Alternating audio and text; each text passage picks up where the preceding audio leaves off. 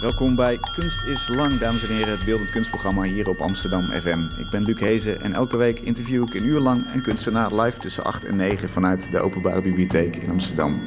Terugluisteren kan natuurlijk ook, bijvoorbeeld via iTunes. Dan kun je je abonneren op onze podcast. Vanavond is de gast Miek Zwamborn.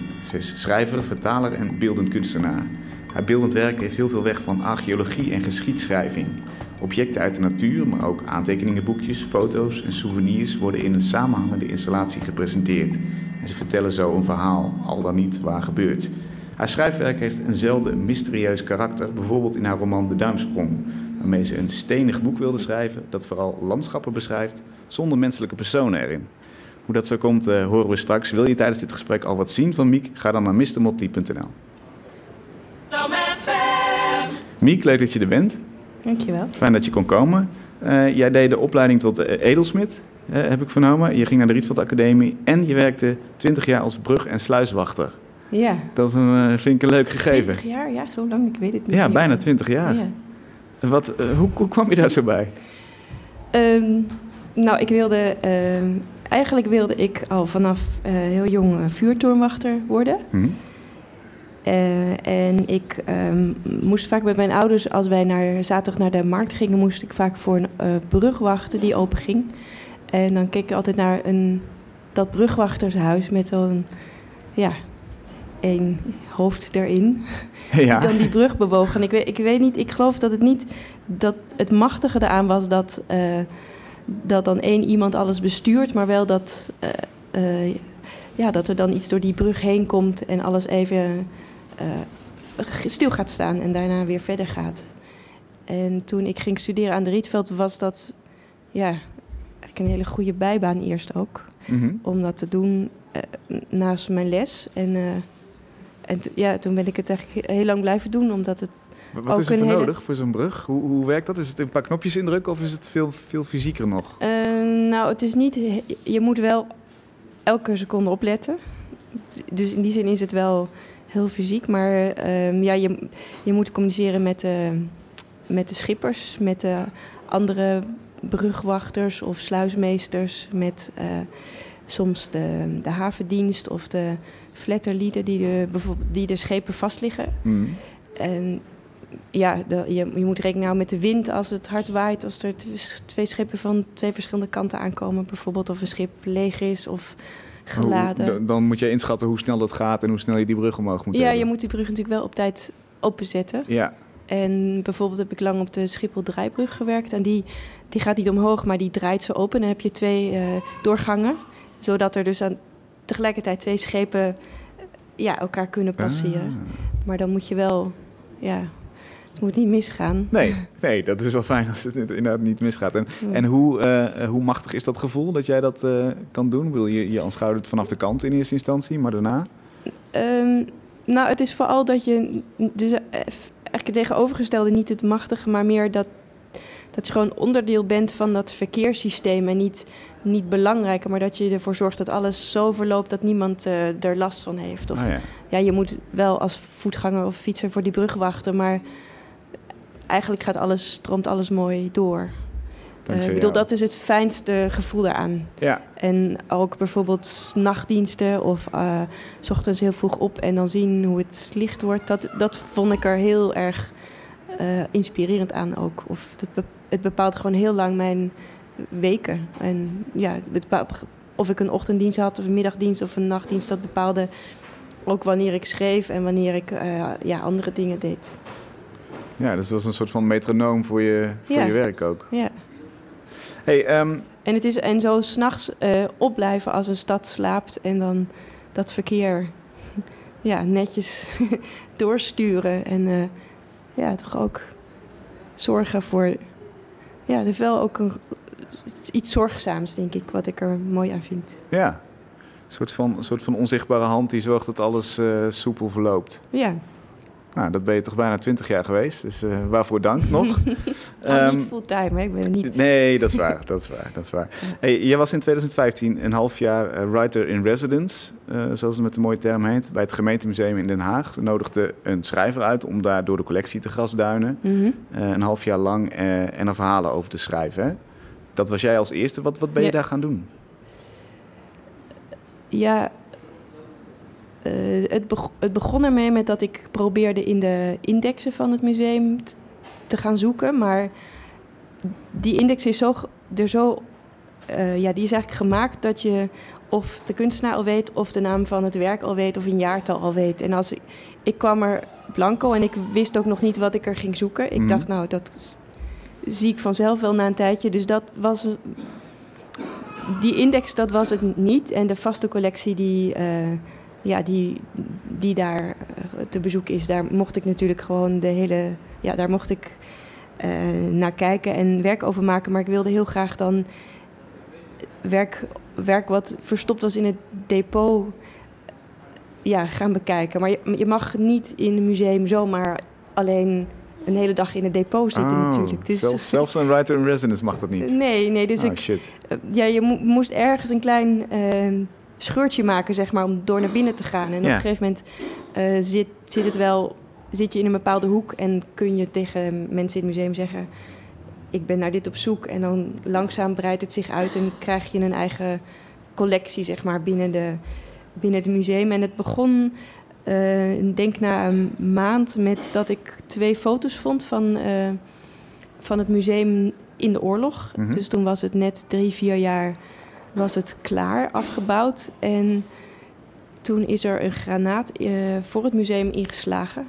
En zijn alle glazen daken en ramen eruit gesprongen de, de stukken waren toen al wel in veiligheid gebracht. En uh, uh, ja, vanaf dan waaide de wind door het museum en, en de regen kwam binnen. En het was een hele korte tijd was het totaal lek. En die, op die twee foto's, ja, daar kwam het hele behang naar beneden. En zaten er allemaal vochtplekken en uh, ja, vloer lag los. En één grote ravage. Maar dat, die foto, die zette me wel aan tot ja, wat zit er dan voor weer in het museum? Er zitten natuurlijk ontzettend veel wolkenluchten, bijvoorbeeld uit de Haagse school. Maar uh, wat is er dan nog meer weer zo iets bewegelijks en tijdelijk? Hoe is het dan als het voor, voor goed in het museum wordt opgeslagen? Wat, wat kun je daar dan mee? Of waar, ja. Dus jij zegt de weersomstandigheden die normaal gesproken buiten blijven, die kwamen in dit geval natuurlijk in het museum. Ja. Ja, en, en toen... Jij dacht, hoe, hoe zit het met weer in werken en, en in... Ja, en hoe zit het met het weer dat bijvoorbeeld die Haagse um, schoolkunstenaars... Ja, die, die dat hebben vastgelegd, een, een regenbui of hoe... Ja, hoe ziet dat er dan nu nog uit? En zal ik dat eens een keer naar boven brengen? Dus langzaam ontstond die hele... Ja, ontstonden ja, een soort aanverwant, of in ieder geval qua, qua onderwerp ja, die hadden verwantschap met elkaar. Maar dat waren wel hele verschillende ja, stukken. Van, van een schetsboek tot bijvoorbeeld een, uh, een, een trui uit de... Die was ook uit de oorlog. En die heb ik alleen maar... Ja, met uh, ontzettend veel uh, mazen erop. Die was helemaal gerepareerd. Maar ja, ik kan hem je zo laten zien. Maar met, het is een soort landschap. Een gele trui met een veehals, een jongenstrui. Ja. Met een diagonale ingebreide, diagonaal ingebreide strepen. Okay. Uh, vrij strak model. En die, zat, die, die had dus bijvoorbeeld gaten in de elleboog, maar overal mottengaten en slijtageplekken. En die waren allemaal gerepareerd, maar heel netjes. Maar ja, op, eerst heb je natuurlijk nog wol in de kleur van, van de trui. Maar als die opraakt, ja, neem je een andere tint. En zo, raar, zo kon je zien in die trui dat die, dat die tint steeds verder daar van die kleur vandaan dreef. Waardoor het een ah. ontzettend mooi geel, grijs, lila, bruin landschap werd. Waarbij de mouwen ook enorm waren verlengd. Er was zo'n stuk boord aangebreid. Dus, dus die trui diende ook voor verschillende personen. Dus er is een heleboel geschiedenis in die trui. En die ik heb die alleen maar gevonden doordat iemand zei: Ja, we hebben een heel gek stuk. Namelijk een trui gemaakt van hondenhaar. Dus daar ging ik naar kijken, omdat zij wilde dat graag laten zien. En naast die trui van hondenhaar, die ik niet per se dan zo uh, ja, interessant vond, ja. lag wel deze. En vanaf dat was wel, denk ik, mijn. Dat, dat is voor mij wel een heel belangrijk stuk geworden, omdat het zoveel, ja, zoveel menselijk handelen en noodreparaties in zich had. En, en dit was een trui die gedragen was in de oorlog? Ja. ga ik maar even vanuit, ja. gemakshalve. Dus, dus die, die, die groeide mee met de noodzaak om, uh, uh, ja, om, om, om wat voor kleding dan ook maar te kunnen dragen mm -hmm. nog. Ja. En die is die hele tijd, die zit in die trui. Ja, maar tegelijk is het ook een, echt een waanzinnig mooi stuk. Gewoon visueel heel interessant uh, qua techniek, maar ook qua kleur en ja, hoe, hoe het zich verhoudt. Helemaal niet bedoeld als uh, om mooi te zijn, maar wel ja. Maar dat was het wel. Heel ontroerend, ja. ja. En dan, dan heb je zo'n zo'n draadje van het weer eigenlijk, hè? Dus waar je, waar je naar zoekt. Want, want volgens mij is het een immense collectie daar in, Den mhm. Haag. Dan, dan heb je dit stuk. Hoe, hoe maak je daar een geheel van? Wat, waar selecteer je nog meer op? Hoe werkt dat? Ja, door daar elke week te zijn en uh, verder te graven en te lezen. En steeds meer mensen daar te kennen. Uh, of tenminste, de, het, het is eigenlijk niet één collectie, het Haagse gemeentemuseum, maar het zijn allemaal deelcollecties met allemaal uh, eigen conservatoren. En uh, ja, iedereen, het, is, het, zijn eigenlijk allemaal kleine musea in het mu museum. Dus voordat je daar een beetje wegwijs bent, duurt, duurt een tijdje. Ah, ja.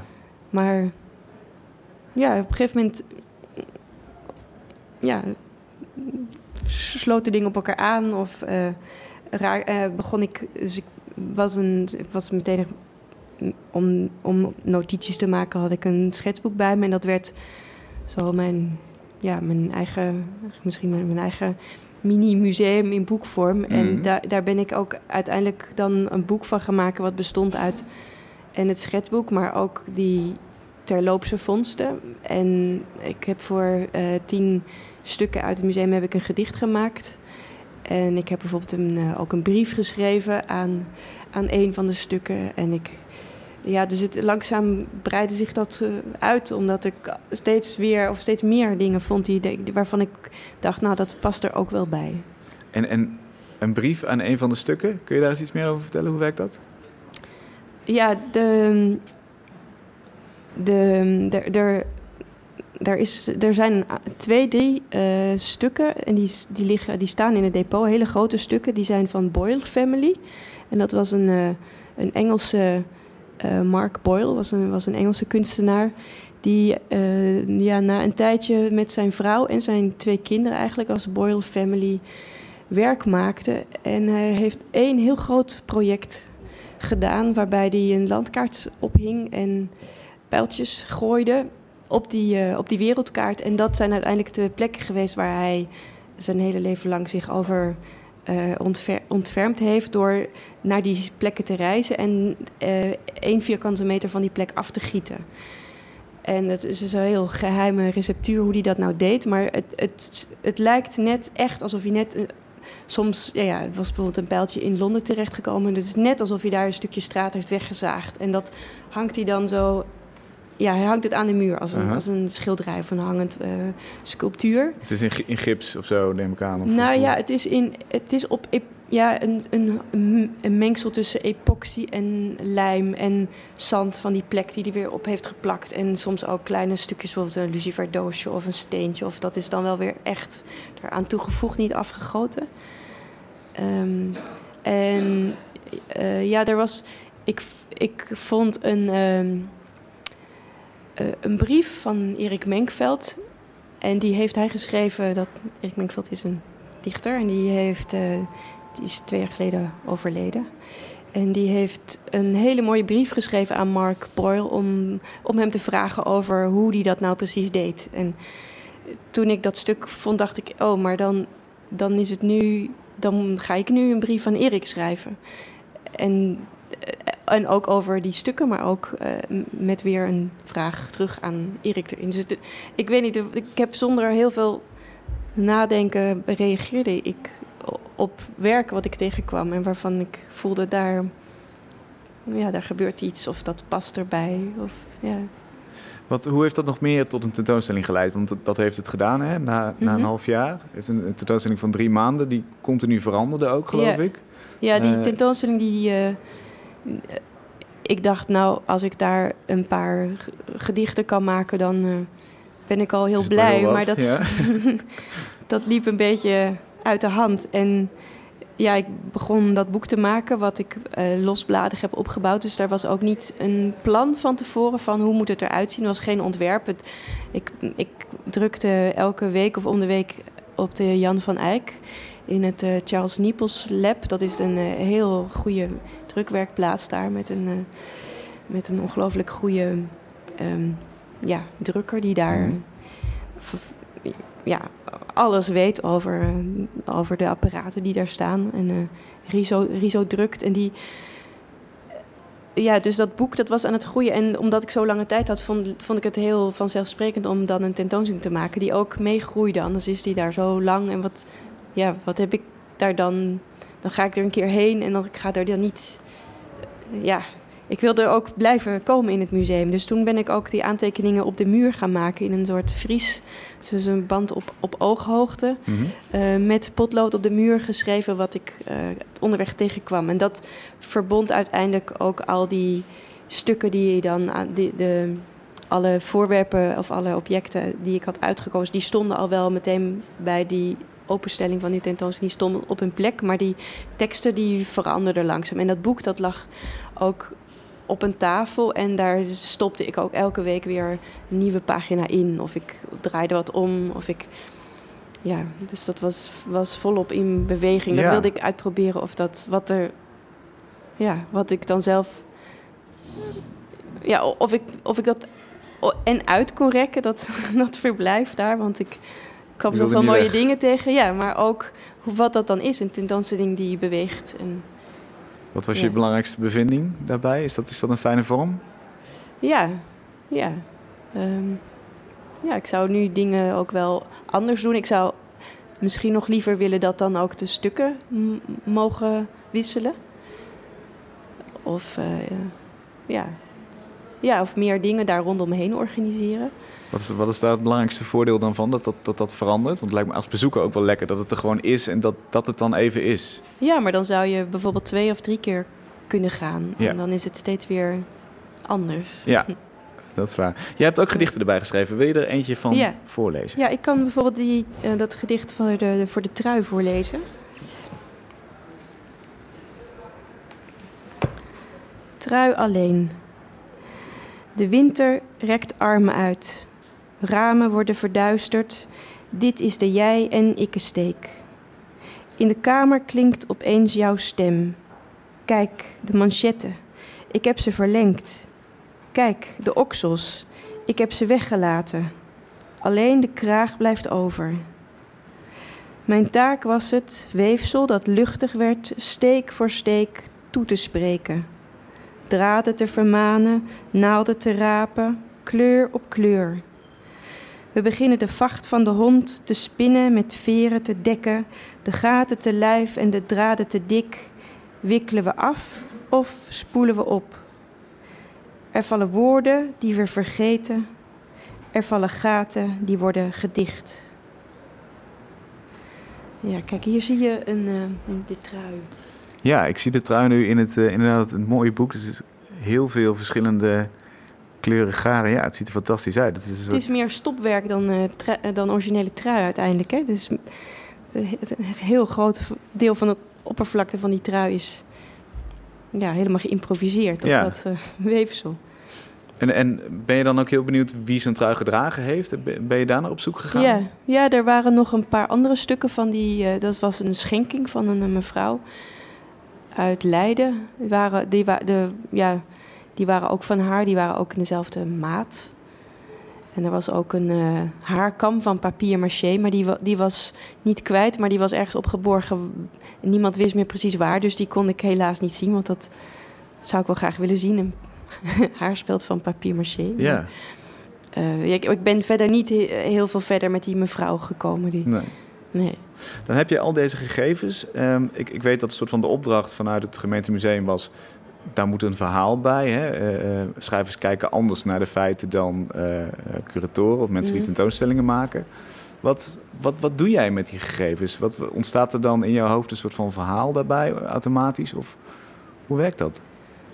Nou, ik denk niet zo. Um, verhalen die, die ontstaan echt uit een heleboel brokstukken in mijn hoofd. En ik, ik ben best wel chaotisch, denk ik. Dus ik heb dan een heel veel losse onderdelen.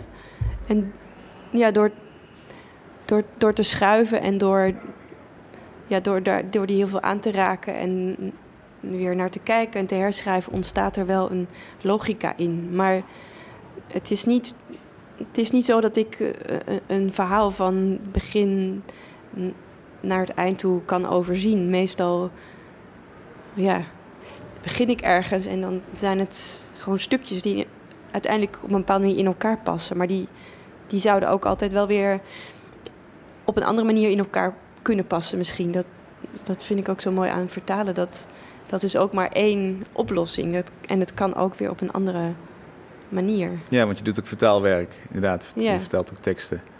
Ja, ik vraag dat heeft daar wel veel van weg, van die, dat componeren of dat uh, monteren eigenlijk. Ja, ja, en, en het, het komt meer terug natuurlijk ook in je werk. Je hebt ook een andere installatie, Mina Reconstructie van een Decennium. En daar zien we eigenlijk donkerbruine houten laadjes liggen van archiefkasten. Die liggen naast elkaar op, uh, op schagen. En op die lades liggen weer uh, fossielen, een, een, een, hoop zand in een piramidevorm. Mm dendrieten, dat moest ik even opzoeken. Maar dat is een soort van vormpje dat je kan kennen als het, het, het uiteinde van een bloedvat of een zenuwcel. Als dat vertakt, mhm. vind je ook in de natuur als, als mos terug. Hè? Um, dat staat er dan allemaal opgesteld als een installatie. Hoe, hoe werkt dat voor jou? Want dat zijn ook allemaal van die brokstukjes die je, die je gearrangeerd hebt. Um, en dan, dan de titel Reconstructie van een decennium. Ja, dat, die, die installatie waar je het over hebt, dat is eigenlijk een reconstructie van een, uh, van een liefde tussen een uh, Nederlands echtpaar dat in 1874 64 op huwelijksreis is gegaan. En zij hebben een herbarium aangelegd.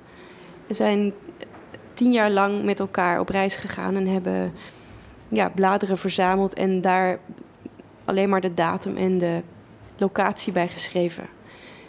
En die ladekasten die ik daar neer heb gezet, die, die, ja, die, die zijn een soort mogelijke reconstructie van die, ja, van die jaren van hen samen. Maar ik, ik heb ze gevuld met uh, stukken die ik zelf ben tegengekomen en die ik zelf heb gevonden toen ik die huwelijksreis namaakte. In mijn eentje ben ik die uh, reis gaan maken en heb ik geprobeerd om op de, uh, ja, op de juiste dag, 151 jaar later, precies in die stad of, ah, okay. uh, aan te komen. En bijvoorbeeld die berg zand, dat, ehm, die, was, die heb ik meegenomen. Ehm, die komt uit de Rijn en die, die, ja, daar was ik op die dag. En de, zij verzamelden omdat ze met z'n tweeën waren. En hebben waarschijnlijk die bladeren geplukt omdat ze dat moment wilden bewaren waarop ze iets voor viel of waarop een mooi lichtstraal viel op een bloem of ze iets grappigs tegen elkaar zeiden. Maar als je dan alleen dat na gaat doen, dan, ja, dan moet je dus opeens bedenken wat je mee gaat nemen. Ja, dat kun je niet even overleggen. Nee, ja, met jezelf. Maar, ja. dus die, dus die, ja, die, die lades die liggen, uh, die hebben eigenlijk, uh, ja, ze, zijn, ze, ze, ze waren uitgericht uh, op de windrichting. En ze hebben ook die reis, die is, die is ook in, in vier delen gemaakt. Ze zijn in Duitsland begonnen, zijn dan door België en zijn uh, een tijd lang in Londen geweest. En hebben ze, zijn ze geëindigd op Isle of Wight. Dus eigenlijk waren het voor mij vier hoofdstukken. Met op de kop steeds één pagina uit het herbarium. En dan een aantal elementen van, van, van dat gebied eromheen.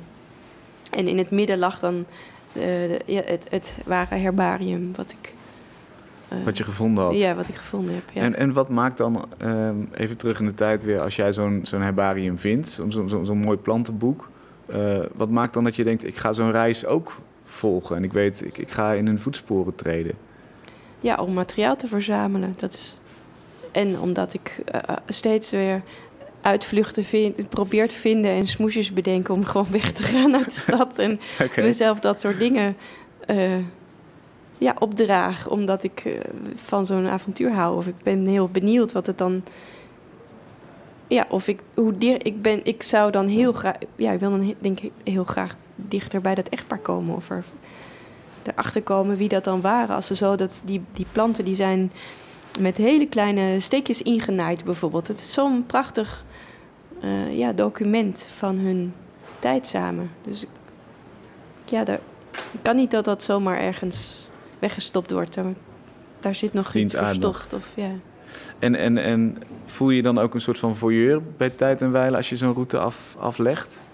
Ja, ehm, nou, als, met dat album, ja, daar, daar heb ik heel erg lang over gedaan om het te durven, uh, als uitgangspunt te durven nemen. Eerst dacht ik, nou ja, als, het, als ik het bewaar en het niet op straat komt of zo, dan is het, dat is al, al een stap uh, vooruit voor dat album. Maar uh, um, om het dan ja, toch te gebruiken, dat voelde, voelde heel lang heel fout. Of heel, uh, ja, daar moet je wel heel voorzichtig mee zijn. En later heb ik ook brieven van hen. Ik weet nu wie, wie zij zijn. Eerst wist ik alleen hun initialen, maar nu weet ik wie ze zijn. En is er een één meter uh, breed archief in Utrecht waar hun brieven bewaard zijn gebleven. Oh, wow. En ja, die heb ik nu gelezen. En dat, dat voelt ook in het begin gewoon heel fout. En heel. Uh, ja, je, ja, het is niet mijn familie. En zij zijn natuurlijk niet bedoeld, die brieven, om door een buitenstaander gelezen te worden. En dan komt er opeens iemand en die vraagt die brieven op. En die gaat er misschien wel. En, en waarom kon jij ze lezen? Wat, wat, wat maakt dat je, ze, dat je er inzicht in kreeg? Oh, dat kan gewoon. Je kunt ze, als een archief openbaar is, dan kun je wie je ook bent, kun je... En waren dit belangrijke mensen dan of zo? Want ik weet niet, ik denk, niet dat iedereen, ieders liefdesbrieven in een archief terechtkomen. Nou, het zijn niet alleen liefdesbrieven, het zijn ah, ook hele praktische brieven. Maar uh, uh, hij was best een belangrijk uh, persoon. Ah, ja. ja. hij was rechter in Den Haag. En ehm, ja... Maar blijkbaar wilde hij ook dat het bewaard werd. Dus hij, hij moet zich ook wel hebben gerealiseerd van dat ja, als je zelf dat bewaart of laat bewaren, dan, uh, dan loop je kan het risico. dat op een dag gebeuren. Ja. Dat er een kunstenaar komt nou. die, het, uh, die het gaat doorspitten. En nou, hoe verhoud jij je nu tot die mensen? Want je, je kent ze nu best goed. Ja. Eigenlijk, op een rare manier. Ja. Hoe, hoe, hoe bekijk je ze? Ja, dat is wel een lastige vraag. Want ik ken ze dus heel goed. En ik dacht, eerst had ik een zelf eigen verhaal gemaakt van hoe ze, zouden ze met elkaar zijn, maar dat bleek helemaal niet te kloppen. Hij is namelijk uh, is helemaal geen gelukkige liefde bijvoorbeeld. En uh, ja. die man is ook, uh, ja. Het is eigenlijk niet interessant om over te schrijven. Of ik, ik merk dat ik eigenlijk niet. Hij trekt me helemaal niet aan. Nee. Je weet Haar vader trekt me dan wel aan. Dus ik kan, ben nu aan het proberen wat ik hoe ik dat verhaal kantel of hoe ik, hoe ik die perspectieven kan draaien of hoe ik het. Het hoeft natuurlijk niet meer. Ik hoef natuurlijk niet dat ware verhaal na te maken of te maken. Ik ben geen uh, historica of ik. En hoe zie je dan je rol als kunstenaar? Want, want inderdaad, laten we zeggen, de werkelijkheid komt dan misschien te dichtbij. Dan wordt het misschien te letterlijk of te, te oninteressant. Mhm. Wat, hoe, hoe zie jij jouw rol als kunstenaar om dan in die die geschiedenis te duiken? Want blijkbaar wil je toch wel ook je eigen stempel daarop drukken of je eigen, je eigen vorm geven. Ja, ik wil gewoon dat het dan een heel mooi boek wordt. Zo, misschien is dat het is wel iets anders dan mijn stempel erop drukken. Is misschien ook wel een stempel dat het een mooi boek wordt. Maar ik voel me misschien ook wel nu verantwoordelijk voor, voor, die, voor dat album, dat daar weer iets ja, daar moet niet een zeurderig boek over een, uh, over een slappe liefde uitkomen. Ja. nee, dat, dat kan ik niet maken naar dat, naar dat boek toe. Dus, dat, dus ik moet iets bedenken waardoor, waardoor er iets in die verstandhouding of in de constructie van het boek of in de vorm of, ja, of, in, ja, of in de afloop van het verhaal, uh, ja, dat, daar, dat daar iets. Dat heeft wel iets nodig. Dat heeft dus blijkbaar wel iemand nodig die daar, nou ja, de, niet, niet de geschiedenis vervalst per se, maar daar moet, ja, daar moet wel ingegrepen worden. er moet gearrangeerd worden. Ja. En het moet, het moet, moet mooier. Ja, of anders. Of uh, nou, als, ik, als, ik het nu, als ik het nu zou maken zoals het echt is gegaan en van wat ik ervan te weten ben gekomen, dan, uh, ja, dan is er helemaal geen snars aan zometeen. Dus, hmm dat zou heel jammer zijn. Dan zou zij namelijk helemaal niet uit de verf komen, omdat zij gewoon een, hele onderdanige uh, mevrouw is die, uh, die gewoon doet wat haar man uh, haar opdraagt. Maar ik wil natuurlijk heel graag haar gedachten en haar ambitie en haar verlangens er, eruit peuteren. Dus ja. ja. Dus de kunst en de fictie die, die gaan het winnen van de realiteit. En dat, dat gaat het mooier maken. Ja, ja, mooi vind ik dan wel ook een moeilijk woord. Of het... Maar um... ik weet niet, ik ben, ik ben ook nog helemaal halverwege. Dus ik, heb, ik weet ook niet precies waar het naartoe gaat. Ik, zij is heel uh, vroeg overleden, dus ik denk dat dat wel ook... Dat weet ik nu wel haast zeker, dat dat het einde van het boek wordt. En dat er dan iets... Uh, ja, een ontknoping volgt. Of uh, dat er dan iets gebeurt waardoor je dan denkt, ah ja, maar dus daarom deden ze zo of was het zo. Of... Ja. Maar nou ja, dat is dus echt nog totaal vaag wat het precies moet zijn. Er wordt nog volop gearrangeerd. Ja. Ik ben heel benieuwd. We gaan even luisteren naar muziek. Je hebt muziek meegenomen van het Henneman String Quartet, Mornings Like These. Het Henneman String Quartet met Mornings Like These. Dit is Kunstenslang, vanavond met schrijver en kunstenaar Miek Swamborn. Uh, Miek, uh, waarom heb je deze gekozen? Omdat um, ja, het, het, het stuk is geïmproviseerd. En er zijn uh, een aantal. Ja, volgens mij zijn er een aantal. Ja, hoe noem je dat in de muziek? Rockfragmenten die, terug, die, die staan vast. Of die daar komen komen deze drie muzici steeds weer bij terug. Ja, maar, een soort ankers. Ja, maar eh, heel veel ligt ook open. En dat met elkaar zoeken naar zo'n... Uh, naar zo'n vorm. En het beginnen daarvan en niet weten waar het naartoe gaat. En, en ook het einde, dat vind ik altijd zo echt betoverend bij in, ja, zo'n geïmproviseerde muziek. Dat zoeken naar het eindmoment. Dat ze met elkaar aan het spelen zijn en op al die geheime tekens van eh, blikken van, nou, nu doe jij dat. En, eh, en ook dat dan opeens is het blijkbaar klaar. Ja. Ja, dat vind ik, dat kan niet in het schrijven. Of dat kan je ook niet met elkaar doen als schrijver of als kunstenaar. Het groepsproces, ja. Ja. En ook dat de vorm zo los is en maar tegelijkertijd zo eenheid kan zijn en ook alleen maar op dat moment er is en misschien nooit meer terugkomt, dat vind ik heel, ja, daar, door, ja, dat zou soms ook wel heel, heel graag willen tijdens het werken. Nou, toch, toch herken ik er wel dingen in. Als je uh, op een bepaalde manier naar jouw werk kijkt, er zijn natuurlijk, je zou kunnen zeggen, er zijn elementen die waar zijn en die inderdaad, als, zoals in zo'n herbarium er zijn, die gegeven zijn en daartussenin kan van alles gebeuren. Mhm. En dan heb je natuurlijk geen medemuzikanten waarmee je dat afstemt, maar je bent, jij bent toch continu aan het aanvullen, aan het interpreteren. Eh, dat, dat heeft er toch ergens iets van weg, maar dan in je eentje misschien. Ja, precies, ja. ja. En, en dat zou je liever met meer mensen doen? Ja, nou dat, dat, dat, de, dat de hele ruimte zo uh, geladen is met een bepaalde werklust uh, of met, uh, met iets wat je samen doet. Of, um, ja, ik maak met een aantal andere schrijvers ehm, al een, paar jaar tijdschrift Terras. Een tijdschrift voor vertaalde literatuur en ook kunst. Oké. En nu zijn we het tiende nummer bijvoorbeeld aan het maken. Dat gaat helemaal over metalen. En dan dat met elkaar te verzamelen en de mooiste stukken bij elkaar te zoeken. En daar weer inleiding op te maken. En daar, daar weer bij te bedenken van... oh, maar die zou misschien ook nog heel, heel goed daarbij passen. Of die, kunnen we niet nog dat vragen? Of dat, dat, dat lijkt er misschien ook wel een beetje. Ja, dat is die groepsdynamiek. Ja. Voor de muziek hadden we het even over je, je beeldend werk en je gedichten. Je, maakt ook romans. De laatste was uh, uit 2013, De Duimsprong. Uh, daar zit eigenlijk uh, twee verhaallijnen in, twee achtervolgingen. De, ten eerste is er de verteller, die raakt in de bergen haar, haar vriend kwijt, Jens. Ze volgt de wandelingen die ze met hem terugmaakte om hem weer terug te vinden. En langzaamaan versmelt dat met het verhaal van Albert Heim, Zwitserse geoloog uit de 19e eeuw, die de hele Alpen in kaart bracht. Ja.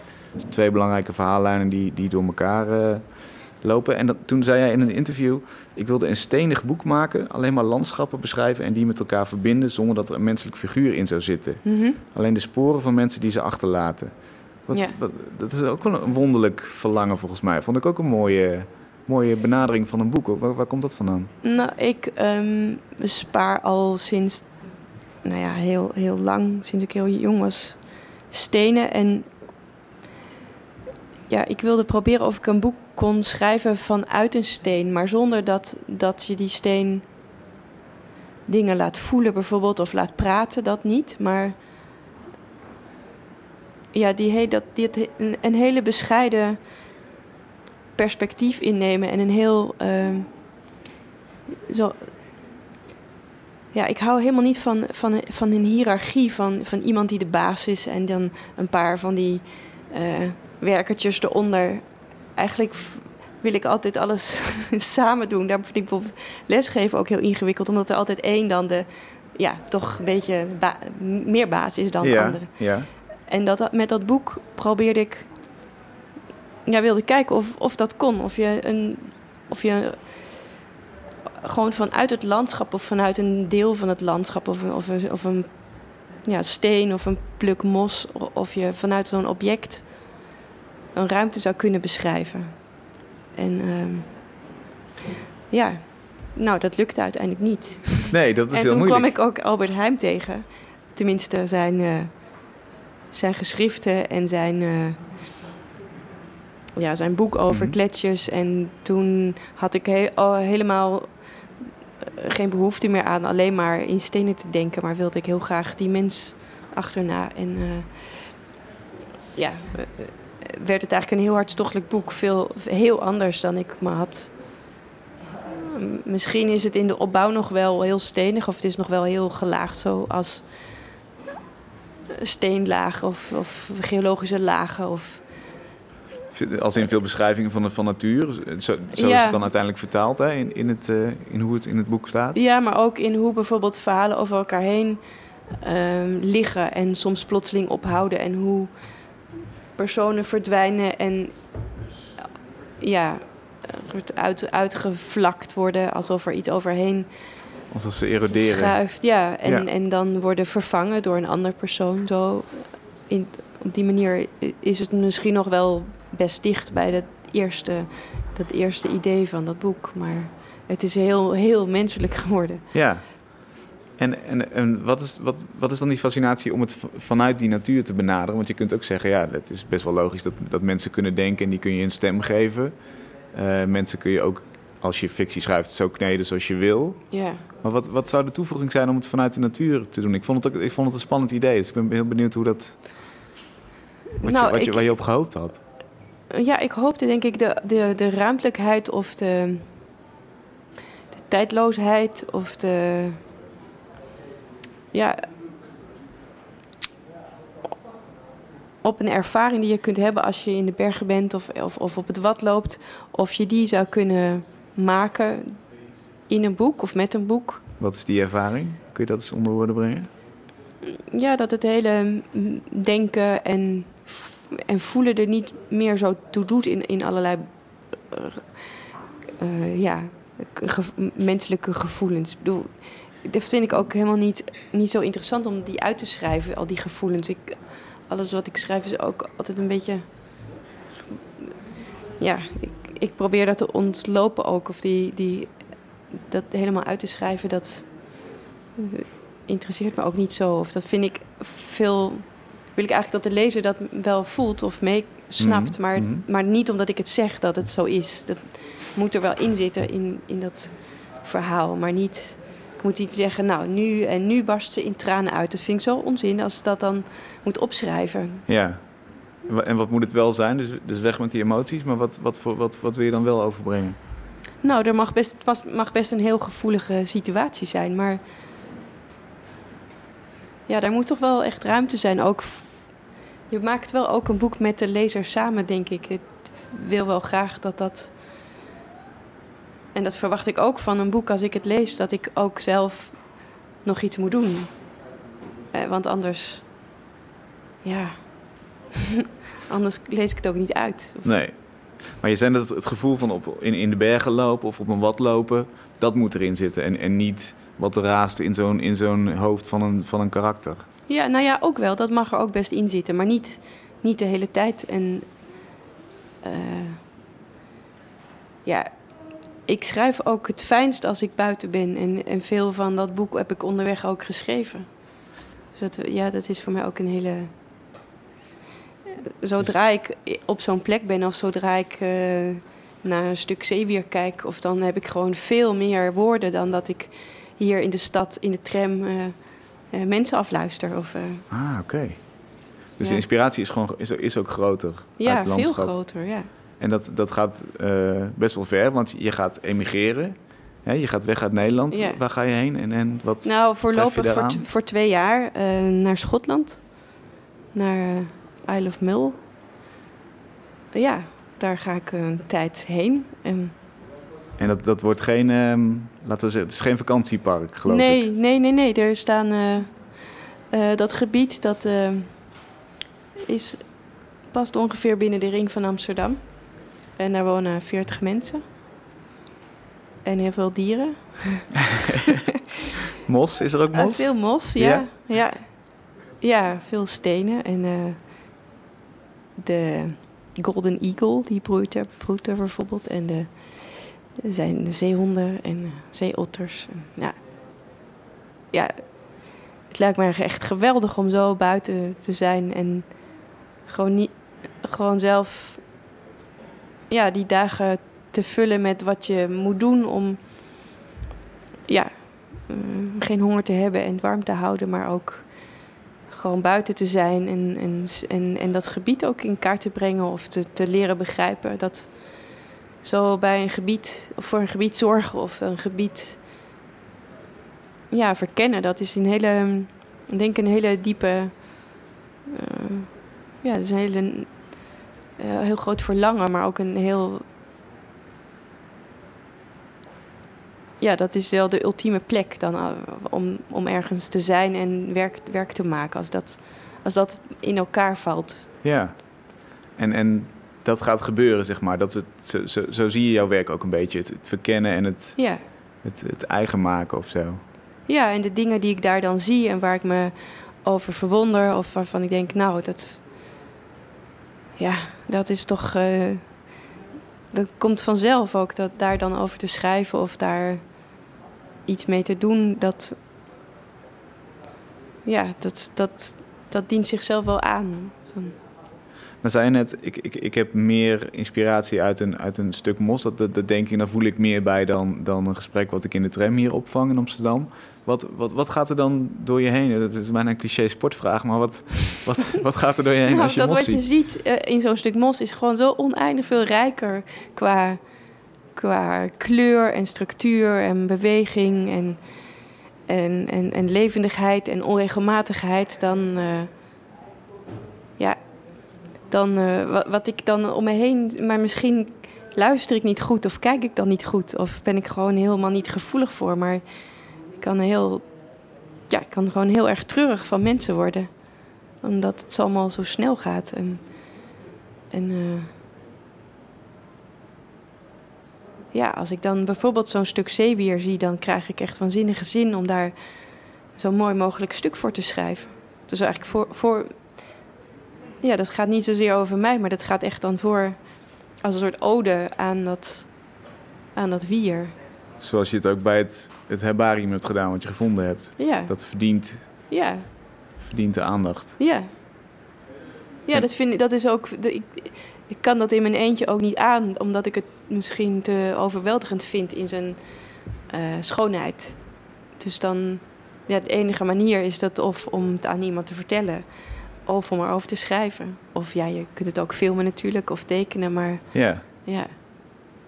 Volgens ja. mij ga je een hele mooie periode tegemoet. ja, dat, dat denk ik ook, ja. Nou, daar horen we uh, hopelijk nog meer over als je weer terug bent. We gaan nog even luisteren naar uh, de regels via de radio, onze vaste rubriek. De regels via de radio.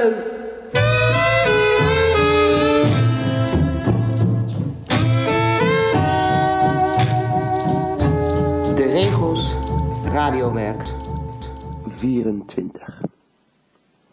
Benodigdheden. Een krant of tijdschrift, A4 papier, een schaar, plakband, roze fluoriserende stift en een pen. Leg het A4-papier voor je op tafel. Staand of liggend, maakt niet uit, dit mag je zelf weten. Pak de krant of het tijdschrift. Het liefst een krant van vandaag, zodat het actueel nieuws is. Leg de krant of het tijdschrift voor je op tafel. Teken nu de afbeelding van de voorpagina in lijnen na op je A4-papier. Doe dit vluchtig, zodat de coutures zichtbaar zijn en het een speelse, losse uitstraling uitstraalt. Zorg dat het een vrolijk leidenspel wordt. Als je tevreden bent, leg je pen weer weg. Sla nu de krant of het tijdschrift open. Is hier een afbeelding te zien? Zo ja, dan heb je geluk. Is er geen afbeelding te zien, sla dan de pagina om en gebruik de eerstvolgende afbeelding die je ziet. Plak de fluoriserende stift en teken deze afbeelding over de zojuist getekende voorpagina tekening heen. Zorg dat alleen de contouren van de afbeelding te zien zijn. Doe dit nu iets rustiger, met meer concentratie en een beetje frustratie. Frustratie omdat jij niet degene bent die bewust voor de afbeelding gekozen heeft en je graag een andere foto na zou willen tekenen. Zorg dat deze tekening net iets groter wordt dan de lijntekening met pen.